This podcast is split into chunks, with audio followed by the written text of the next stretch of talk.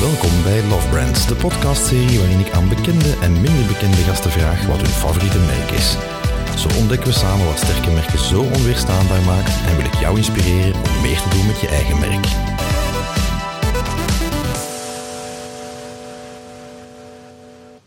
Dag Michael.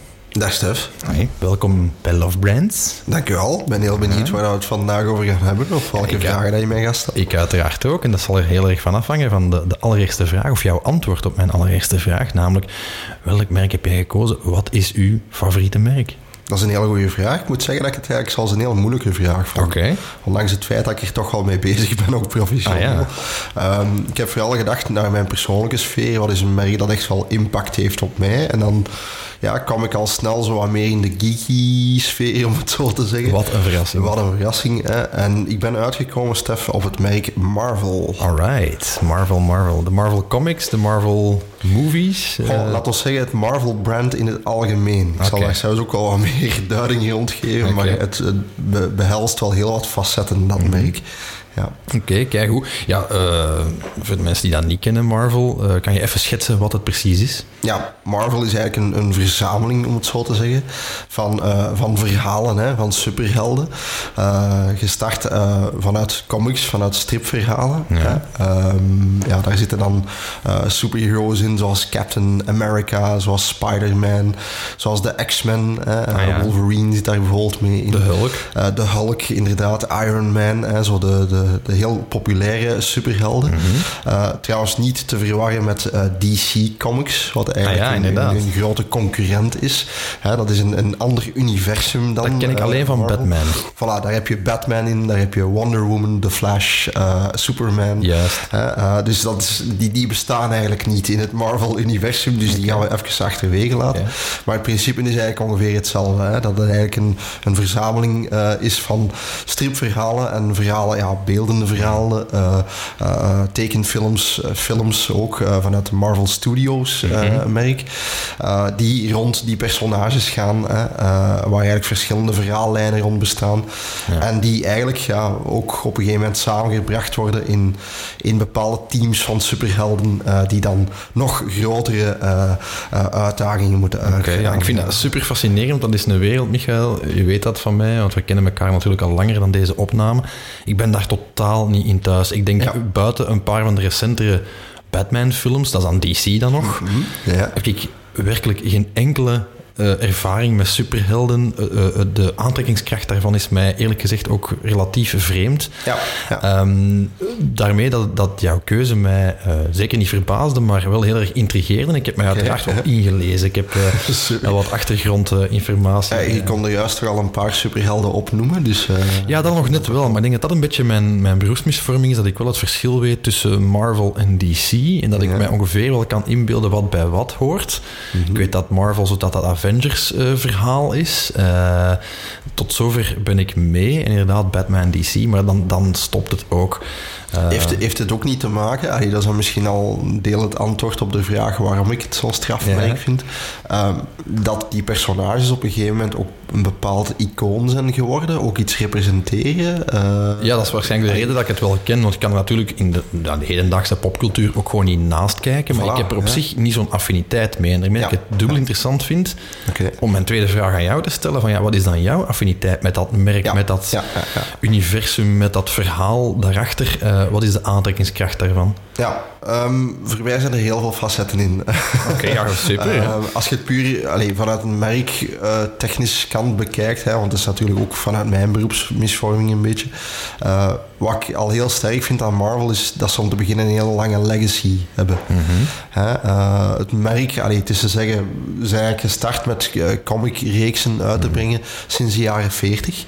Hè, dus de eerste eh, Marvel superheld was Captain America, eh, die letterlijk tegen Hitler moest vechten. Ja, dus dat was ja. eigenlijk ook een stuk eh, propaganda eh, eh, verhaal. Ja, het is opgericht, voor alle duidelijkheid, in 1939 onder de naam Ah, van. Timely Comics. Ja, ja, Eh, de, de- ik denk dat de naam Marvel pas sinds de jaren 70? Of, jaren eh, 60, ja, sinds jaren eh, 60. 61, bij de introductie van de Fantastic Four. En dan, dan zijn ook zo Stan Lee en, en, en, en, en Steve Ditko en Jack Kirby, de, de legendarische, eh, tekenaars, eh, zijn er dan bijgekomen. Ja. Voilà, maar het heeft dus een hele lange legacy. Hè? Eh, en inderdaad, zoals je zegt, je hebt in de jaren 60, 70 denk ik een beetje de, de golden age van comics gehad. Waarin dat je een aantal superhelden hebt gehad, zoals de Hulk denk ik ook en Spider-Man, Mhm. die toen hun, hun oorsprong kenden. Dat is dan inderdaad Steve Ditko en Jack Kirby onder meer en Stan Lee natuurlijk. Stan Lee kende ik van zijn eh, cameo's in Klopt, eh, series en films. Natuurlijk ook een belangrijk personal brand eh, die gelinkt is aan, aan de Marvel Universe. Ehm, dus ja, die hebben eigenlijk een tijd, tijd lang, ehm, ja, toen in de golden age of comics, eh, een aantal dingen gaan creëren. En wat ik dan fascinerend vind, ook aan het feit dat het een merk is dat zo lang bestaat, is ik vind dat ze altijd wel een stuk zijn meegegaan in hun tijdsgeest. Ehm, het is een merk dat ook wel zijn uitdagingen gekend heeft, denk ik. Ehm, ja, ik vergelijk dat een beetje bij Lego. Hè. Eh, dus ja, op een gegeven moment, die comics die hebben dan zo lang bestaan dat ze op een gegeven moment niet meer populair waren. Ik denk in de jaren 90, begin jaren 2000 kwam het zo niet meer op van, van echt ja, comicboekverhalen te kopen. Ik denk ook terug even naar, naar, naar mijn jeugd. Eh, je had wel de geanimeerde reeksen op tv van Spider-Man en Batman en zo, waar we al naar keken. Maar dat werd echt bekeken als iets eh, voor kinderen. Hè? Eh, van ja, ik kan me niet meer voorstellen dat er mensen in, in onze tienerjaren, in het middelbaar, comics van, van Marvel of van DC lazen. Hè? Ja, ze hebben inderdaad wel wat dips gehad. Hè. Dus Ja, na klopt. de oorlog, heb ik begrepen, raakte... Gewoon het- concept van de superhelden raakte wat in onbruik. Oké. Dus dat, dat was ineens niet populair meer. En dus wat je ziet is inderdaad in de jaren 50, hè, dus de pre-Stan Lee-periode, dat eh, ja, Marvel op de sukkel was. Het heette toen nog niet Marvel, dus ze waren dan gerebrand op dat moment naar eh, Magazine Management, heette het bedrijf toen. Ehm, en, en de superhelden geraakten uit de mode en dan zijn ze dus heel erg gaan diversifiëren. Dus ze maakten van alles. Horror, eh, humor, ridderverhalen, zelfs romantische toestanden, western eh, strips, dat soort zaken. En inderdaad, ja, je aanhaalt in de jaren 90, hè, dat heb ik dus ook ehm, uitgevoerd en dat wist ik niet. Dat is misschien ook wel eigen aan alle sterke merken. eh, hebben ze een mega dip gehad. Ja, hè? Dus ja, in de ja. jaren 90 ging het echt bergaf. Een hoop artiesten vertrokken, ze een eigen Ja. studio begonnen ook. Eh, en eigenlijk zijn ze in 1997 nipt van het faillissement gered geweest door een nieuwe investeerder. Hè? Dus ze hebben geprobeerd eh, Marvel op de beurs te lanceren. Dat is geen geweldig succes geweest. Ja, tot ze- zover ben ik inderdaad. ze zijn dus eigenlijk gered moeten worden. Hè? Want en, ze, ze zijn onder andere hebben ze fondsen moeten ehm, eh, werven eh, om die redding te financieren. Door, en dat wist ik niet, eh, succesvolle franchises zoals die Fantastic Ja. Four en die X-Men te verkopen Klopt, aan andere. eh, Voilà, daar wou ik inderdaad naar komen. Hè. Dus ze hebben dan in de jaren 80, zelfs al, als ik me niet vergis, een bepaalde eh, reeks in laten verfilmen. Hè. Er was een film van Captain America en Ja. van The Punisher in de 80s. En dat is echt hilarisch slecht, Stef. Eh, Ja. Als je een keer eens campy, eh, campy movies wilt zien. Eh, ik heb ze effectief gezien, eh, niet aan te raden. En dan had hij inderdaad in de jaren 90, als ik me niet vergis, hebben ze toen eh, Blade laten maken. ja, ja, juist. Ja. Wat zo eigenlijk wat meer gemarket was naar, naar oudere tieners. Hè, want het is eigenlijk een heel gewelddadige, de, gewelddadige reeks van, Ja, eh, van films. Met die vampieren. Met Wesley eh, Snipes, hè, toch wel de eerste zwarte superheld, wil ik ook wel meegeven. Klopt, ja. Hè, dus nog voor Black Panther. Ehm, en ja, dat is altijd een wisselend succes geweest. Hè. Dus eigenlijk in, in de 80s en 90s, eh hun filmfranchises, dat was toch ook niet, niet altijd wat het moest zijn. Hmm.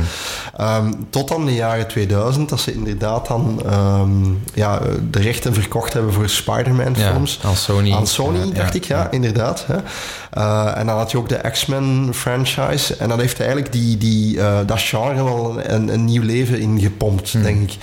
Eh, omdat de toon van de films ook wel serieus genoeg was, dat het eigenlijk een heel breed publiek kon aanspreken. Ja, het heeft ook te maken, eh, ik heb begrepen, Stan Lee eigenlijk heeft ehm, heel de ommekeer in gang gezet. Hè, Sinds zijn komst, omdat hij vond van, ah, kijk, ja, we moeten ophouden met comics, hè, de strips dan, nog Ja. voor de films, Ja. van die te positioneren naar kinderen. Klopt, ja, Hè, ja, ja. Eigenlijk moeten we zorgen dat we een, een appeal hebben, een soort van aantrekkingskracht naar volwassenen. Voilà. En het is eigenlijk hij die is gaan focussen op dat volwassen eh, publiek. Mhm. Ehm, hij is ook degene die het concept geïntroduceerd heeft, wat ik dan weer wel attractief vind aan heel dat Marvel-verhaal. Veel van die superhelden zijn misfits, zijn freaks, hebben een background story. ja, plus ze zijn op een, een zekere manier ook heel herkenbaar. Ja, en dat is wat mij daar dan heel erg aan fascineert. Want de films waar ik dan nu over spreek, hè, zijn uitgekomen in mijn tienerjaren. En hebben wel een impact op mij gehad. Ik herinner mij de oorspronkelijke Spider-Man film. Uit 2001, denk ik, of 2002. Is dat die met Tobey eh, Maguire en de Maguire. upside down kiss in de regen? Eh, eh, klopt, inderdaad. die heb ik wel gezien dat, ooit. Dat ik dat enorm fascinerend en inspirerend vond als tienerjongen. Hè. Ik was toen 14, 15 jaar. Hè. Eh, ja, Peter Parker is ook een beetje een slungelige, nerdy kid. Hè. eh, waar ik mij ook wel een stuk in herkende. Hè. En je zat op de eerste rij te nerden van, oh wow, dat is zo recognizable. Klopt, klopt. En ik dacht, oké, Kirsten Dunst, hè, het kan toch slechter. Hè? Dus eh, Mary Jane, waarom niet? Hè? Dus allee, ik, vond, ik vond dat eigenlijk wel een, een, een revolutie, om het zo te zeggen, in storytelling. Eh, oké, als je die films vandaag ziet ten opzichte van wat er nu bestaat, kan je zeggen, oké, het is misschien wat verouderd. Maar op dat moment, die X-Men films en die Spider-Man films, die waren eigenlijk wel heel straf qua storytelling. Hè? En ook qua, qua epische eh, eh, ja, universum dat er rond gecreëerd werd, was dat eigenlijk wel straf. Ze hebben natuurlijk ook toe geleid dat ze in 2005 op een gegeven moment gezegd hebben, ja, we gaan een eigen filmstudio beginnen. Voilà, voilà. Want er ging te veel centjes en veel te Yes, veel creatieve yes. dingen naar, naar andere Ja, partijen. ze hebben dus inderdaad gezien dat, eh, eh, dat de saus gepakt heeft, Ja. of de mayonaise gepakt heeft. Eh, en dan ja, vind ik dat ze een hele geniale zet gedaan hebben. Hè. Eh, het idee van een universum te creëren over verschillende films. Eh, en dat is, dat is toch iets wat ik, allee, wat ik sterk vind aan een goed merk, is dat ze ook eh, hun, hun, ja, hun omgeving waar ze in zitten ook kunnen veranderen of kunnen beïnvloeden. En ik denk dat je dat van Marvel Studios wel kan zeggen. Ja, hè. Uh, misschien wat duiding aan, aan de luisteraars. Hè. Er is dan eind jaren 2000 een, een film uitgekomen over Iron Man. hè. Uh, men heeft daar dan de beslissing gemaakt om op het einde van die film eigenlijk al een introductie te maken naar andere superhelden. En er is eigenlijk ja, een soort van planning gemaakt, de zogenaamde fase 1 van de Marvel Studio Ja, er zijn vier fases, Ja, ik klopt. Ik zal daar niet Eh, te veel in detail over gaan, want dan ben ik veel luisteraars Dat is wel kwijt. heel nerdy, hè. Eh, maar eh, inderdaad, in die eerste fase hebben zij eigenlijk ja, de basis Avengers. Dus dat is dan toch eh, Iron Man, de Hulk. Eh nu moet ik al even goed nadenken dat ik niemand vergeet. Ik weet al Enfin, in ieder geval een vijf à zestal eh, helden. Zijn ze, gaan, eh, zijn ze gaan introduceren eigenlijk in verschillende aparte films. Ja. Om die dan in 2012 samen te brengen in één epos, namelijk de Avengers. Wat daar heel geniaal aan is, qua, qua marketing en qua branding, is dat je eigenlijk van in 2008 al wist, of 2007, ik weet niet precies wanneer Iron Man juist is uitgekomen. nog ging komen allemaal. Wat er ging komen. En natuurlijk waren de fans, net als ik, ja, enthousiast. En moesten we natuurlijk elke film gezien Ah ja, want je bent meteen hoekt, hè. Klopt, en je krijgt ook clues mee van wat gaat er gebeuren als ze dan ooit samenkomen. Hè. Eh, Het nadeel van dat concept natuurlijk is dat een buitenstaander, en daar reken ik mijzelf absoluut bij, Ja. totaal niet kan volgen. Ik Stel dat ik nu morgen zeg van ik wil daar aan beginnen, hè, dat is nog erger dan in die Star Wars franchise. Je moet dan een bepaalde volgorde eigenlijk om heel het verhaal. Ja. Die fases, er is zelfs een officiële handboek voor heel die timeline juist, eh, ja. Ja, dat is voor mij al redenen misschien om zelfs wat af te haken. Eh, is dat geen risico? Dat klopt, want er zijn films die nu uitkomen die eigenlijk prequel zijn op, eh, op het verhaal van de Avengers. Hè, die, die bijvoorbeeld in de jaren 80 plaatsvinden en dergelijke. Nu, ik kan u ergens geruststellen, moest je toch interesse hebben. Stel nu dat je de film Avengers kijkt. eh, je gaat de basis wel mee hebben. Toch, hè? Het verhaal is in die mate, net zoals Star Wars, laagdrempelig. Dat het eigenlijk zowel door iemand die, die echt totaal niet mee is, wel eh, begrepen kan worden. En tegelijkertijd wel een knipoog kan geven naar de die-hard fans die alle comics gelezen hebben. ja. Er zitten zoveel verwijzingen in eh, naar het bronmateriaal ook. Hè. Ze volgen het niet eh, exact. Maar er zitten wel heel veel knipogen en cameo's en voorwerpen in Hmm. die echt verwijzen naar, naar de comics. Dat de, de echte nerds ook zeggen van ah, cool dat ze daar geïntroduceerd Heb je zelf de comics ooit gelezen eigenlijk? Heb je, Oh, nee, comic reader? niet. Nee. Hè? Dus opnieuw om terug te gaan in die periode dat het eigenlijk niet zo populair was. Ik kende ook niemand die Marvel comics las. Ehm, in mijn tijd, en dan spreek ik van begin jaren 2000, toen ik tiener was, eh, werd er eigenlijk veel meer, ja, was er eigenlijk een opkomst van anime en manga eh, Oké. heel veel. Dus ik heb wel eh Japanse, print dan, of, ja, ja. Japanse comics gelezen, Ja, hè, van links naar rechts dan, hè, want zo gaat dat dan. Ehm, eh, sorry, van rechts naar links. dan, omgekeerd, ja. in, het- in het Japans werd dat dan vertaald. Dus dat was toen hip. hè. Eh, maar inderdaad, comics, ja, daar is heel lang zoiets over geweest van ja, dat zijn toch eigenlijk alleen maar nerds eh, die, die dat lezen. of Is dat niet een heel. Amerikaans fenomeen ook, comic books en de films die daaruit komen? Ik heb daar bijvoorbeeld, ik blijf het herhalen, sorry, tot, tot treurens toe, maar ik heb daar weinig klik mee. Ik heb daar misschien ook gewoon niet genoeg fantasie voor om mij daar helemaal in in te leven, in, in die bovennatuurlijke krachten en zo van die superheroes. Maar Ja, ik ja. kan me inbeelden dat het anders is als je opgroeit in Amerika. Ja, dan heb je inderdaad veel meer die tekenfilms, die comics van heel jongs al, af aan al. Bij u is het ook ergens iets nostalgisch. Ehm, is dat hier zoals in Amerika, denk je? Wel, ik, ik denk dat er daar in onze cultuur ook een stuk een kentering is geweest. Toch, ja? dat is dan voor mij misschien de tweede reden waarom ik Marvel zo straf vind, om daar dan meteen eh, het bruutje te maken naar waarom ik het een strafmerk vind. Ehm, ik vind dat die films een beetje hebben bijgedragen, of het universum rond de superhelden, tot het populair maken van geek culture. Oké. Hè? Eh, je ziet dat In de bredere zin dan, Voilà, in de bredere ja. zin. Hè? En waar vroeger dan werd gezegd van ja, oké, eh, comic dat is... Ja, echt voor... Allee, zeker als volwassene ging je geen comic kopen. Nee, hè? Laat nee, ons eerlijk nee. zijn. Terwijl nu, als ik aan u zou zeggen van ik ben een verzamelaar van Spider-Man, dan zou je nog kunnen zeggen van oké, dat is echt popculture. Hè? Dat is Ja, of een goede investering, dat is iets anders Of een goede natuurlijk. investering. Hè? Ehm, dus het is in die mate wel in onze cultuur eh, qua referentiepatroon eh, ingeburgerd Mhm. dat het echt wel bon ton is om naar die films te gaan zien. Hè? Je ziet dat trouwens ook aan omzetcijfers. Ja, hè? tuurlijk, ja. De recente Spider-Man film heeft weer box office hits records Ja. gebroken. Hè? Dus om terug te komen op uw vraag van ja, ik denk dat het misschien oorspronkelijk vrij Amerikaans was. Vooral ook omdat veel van de verhalen zich ook situeren in de States. Mhm. Maar je merkt daar ook een evolutie in. Hè? Eh, ook in de verhalen in de films, dat ze bewust eh, ja, eh, locaties ook kiezen in, in Afrika bijvoorbeeld. Eh, de Black Panther film is echt ja, representatief voor dat continent. Eh, je hebt daar ja, ook superheroes nu die, die ja, Chinees spreken bijvoorbeeld. Je hebt nu Shang-Chi bijvoorbeeld. Die echt de Aziatische markt moet, moet ja, gaan representeren. Dus men haalt eigenlijk uit heel veel verschillende mythes en heel veel verschillende culturen nu inspiratie om die verhaallijn verder te zetten. Ja, niet alleen dat, hè. in 2002 bijvoorbeeld hebben ze een eh, superheld ontwikkeld, een dove superheld, Voilà. de Blue Ear. Ja. Specifiek omwille van een verhaal, een anekdote dat hij bereikt had als studio van eh, er is een kind dat eh, zich awkward voelt bij het dragen van zijn hoorapparaat. Kijk. Ja. En dus die Blue Ear blijkbaar, die gebruikt een hoorapparaatje om bepaalde signalen op te vangen. En Ja. Daardoor is dat een, eh, een superheld geworden eigenlijk. Ja, interessant. En dus je hebt, je hebt nog wel meer van dat soort betrokkenheid. Hè, als je dan gaat zoeken naar, naar interessante eh, factoids. Bijvoorbeeld, ik weet niet of je dat weet, Michael, maar Venom is bedacht door een fan. Ja, er is een, ja, wedstrijd, eh, een wedstrijd geweest in, in 1982. En een Randy Schuller heeft toen Venom bedacht en heeft daar de, de prachtige som van 220 dollar mee gewonnen. Ja, voor alle duidelijkheid, voor de luisteraars, Venom is een van de meest iconische su- super slechteriken Ja. eh, van eh, nou ja, vijanden van, van Spider-Man eigenlijk. Hè? Ja. Dat is toch wel straf op zich, Ja, eh, ja. eh, denk ik dan. Dat je dan inderdaad zo, zo naar je publiek luistert. De fanservice tot het extreme doorgetrokken om het heel inclusief te maken. Ja, en het valt wel op. eh, Ook daar weer terugkeren naar dat eigen tijdse. Ik vind dat Marvel wel altijd sterk is geweest van de tijdsgeest wat te gaan volgen. Ehm, je ziet dat ook in, in de representatie inderdaad in, in de films. Hè. En ik weet, ja, als je op internet gaat lezen, je kan daar voor of tegen zijn, hè, maar je kan wel zeggen van de cast van eh, Marvel dat ze wel divers zijn. Ja, hè. ja. Eh, er zit inderdaad bijvoorbeeld ook een personage in Colonel, Colonel Rhodes. Hè. Dat is eh, ja, de, de beste vriend van Iron Man, van Tony Stark. Ja. En die breekt op een gegeven moment ook zijn benen. Eh, dus die zit in een rolstoel.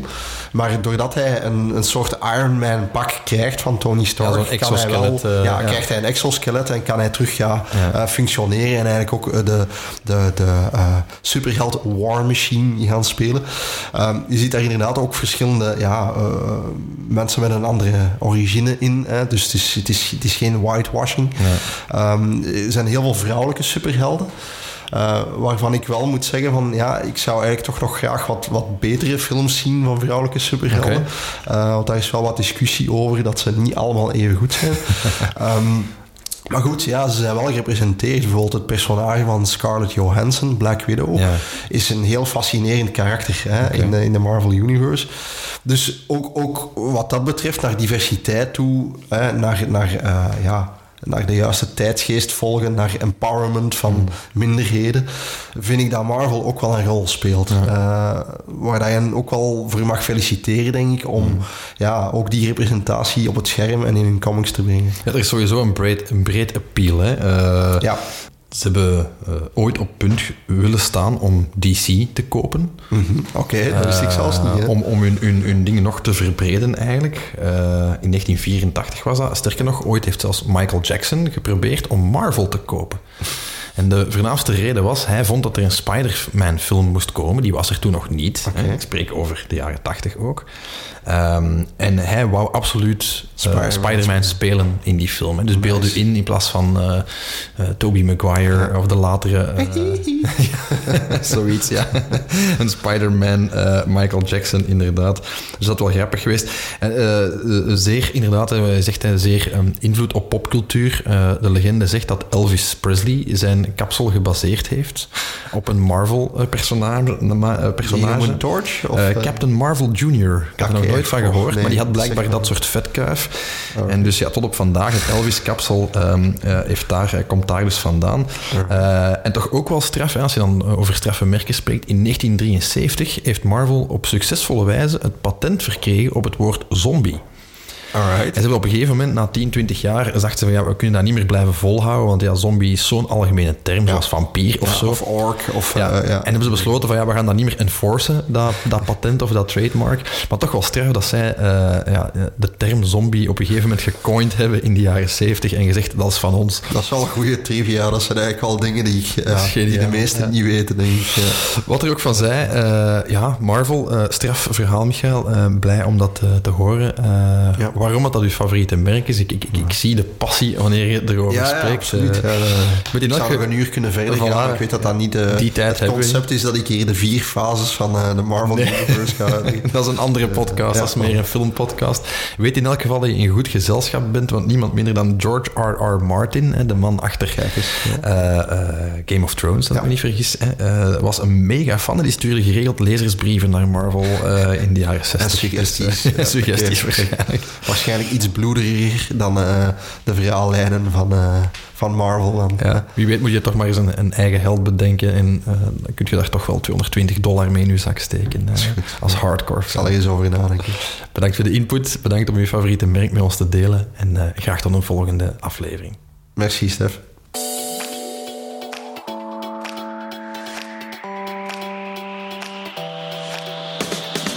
Dit was Love Brands voor deze aflevering. Bedankt voor het luisteren.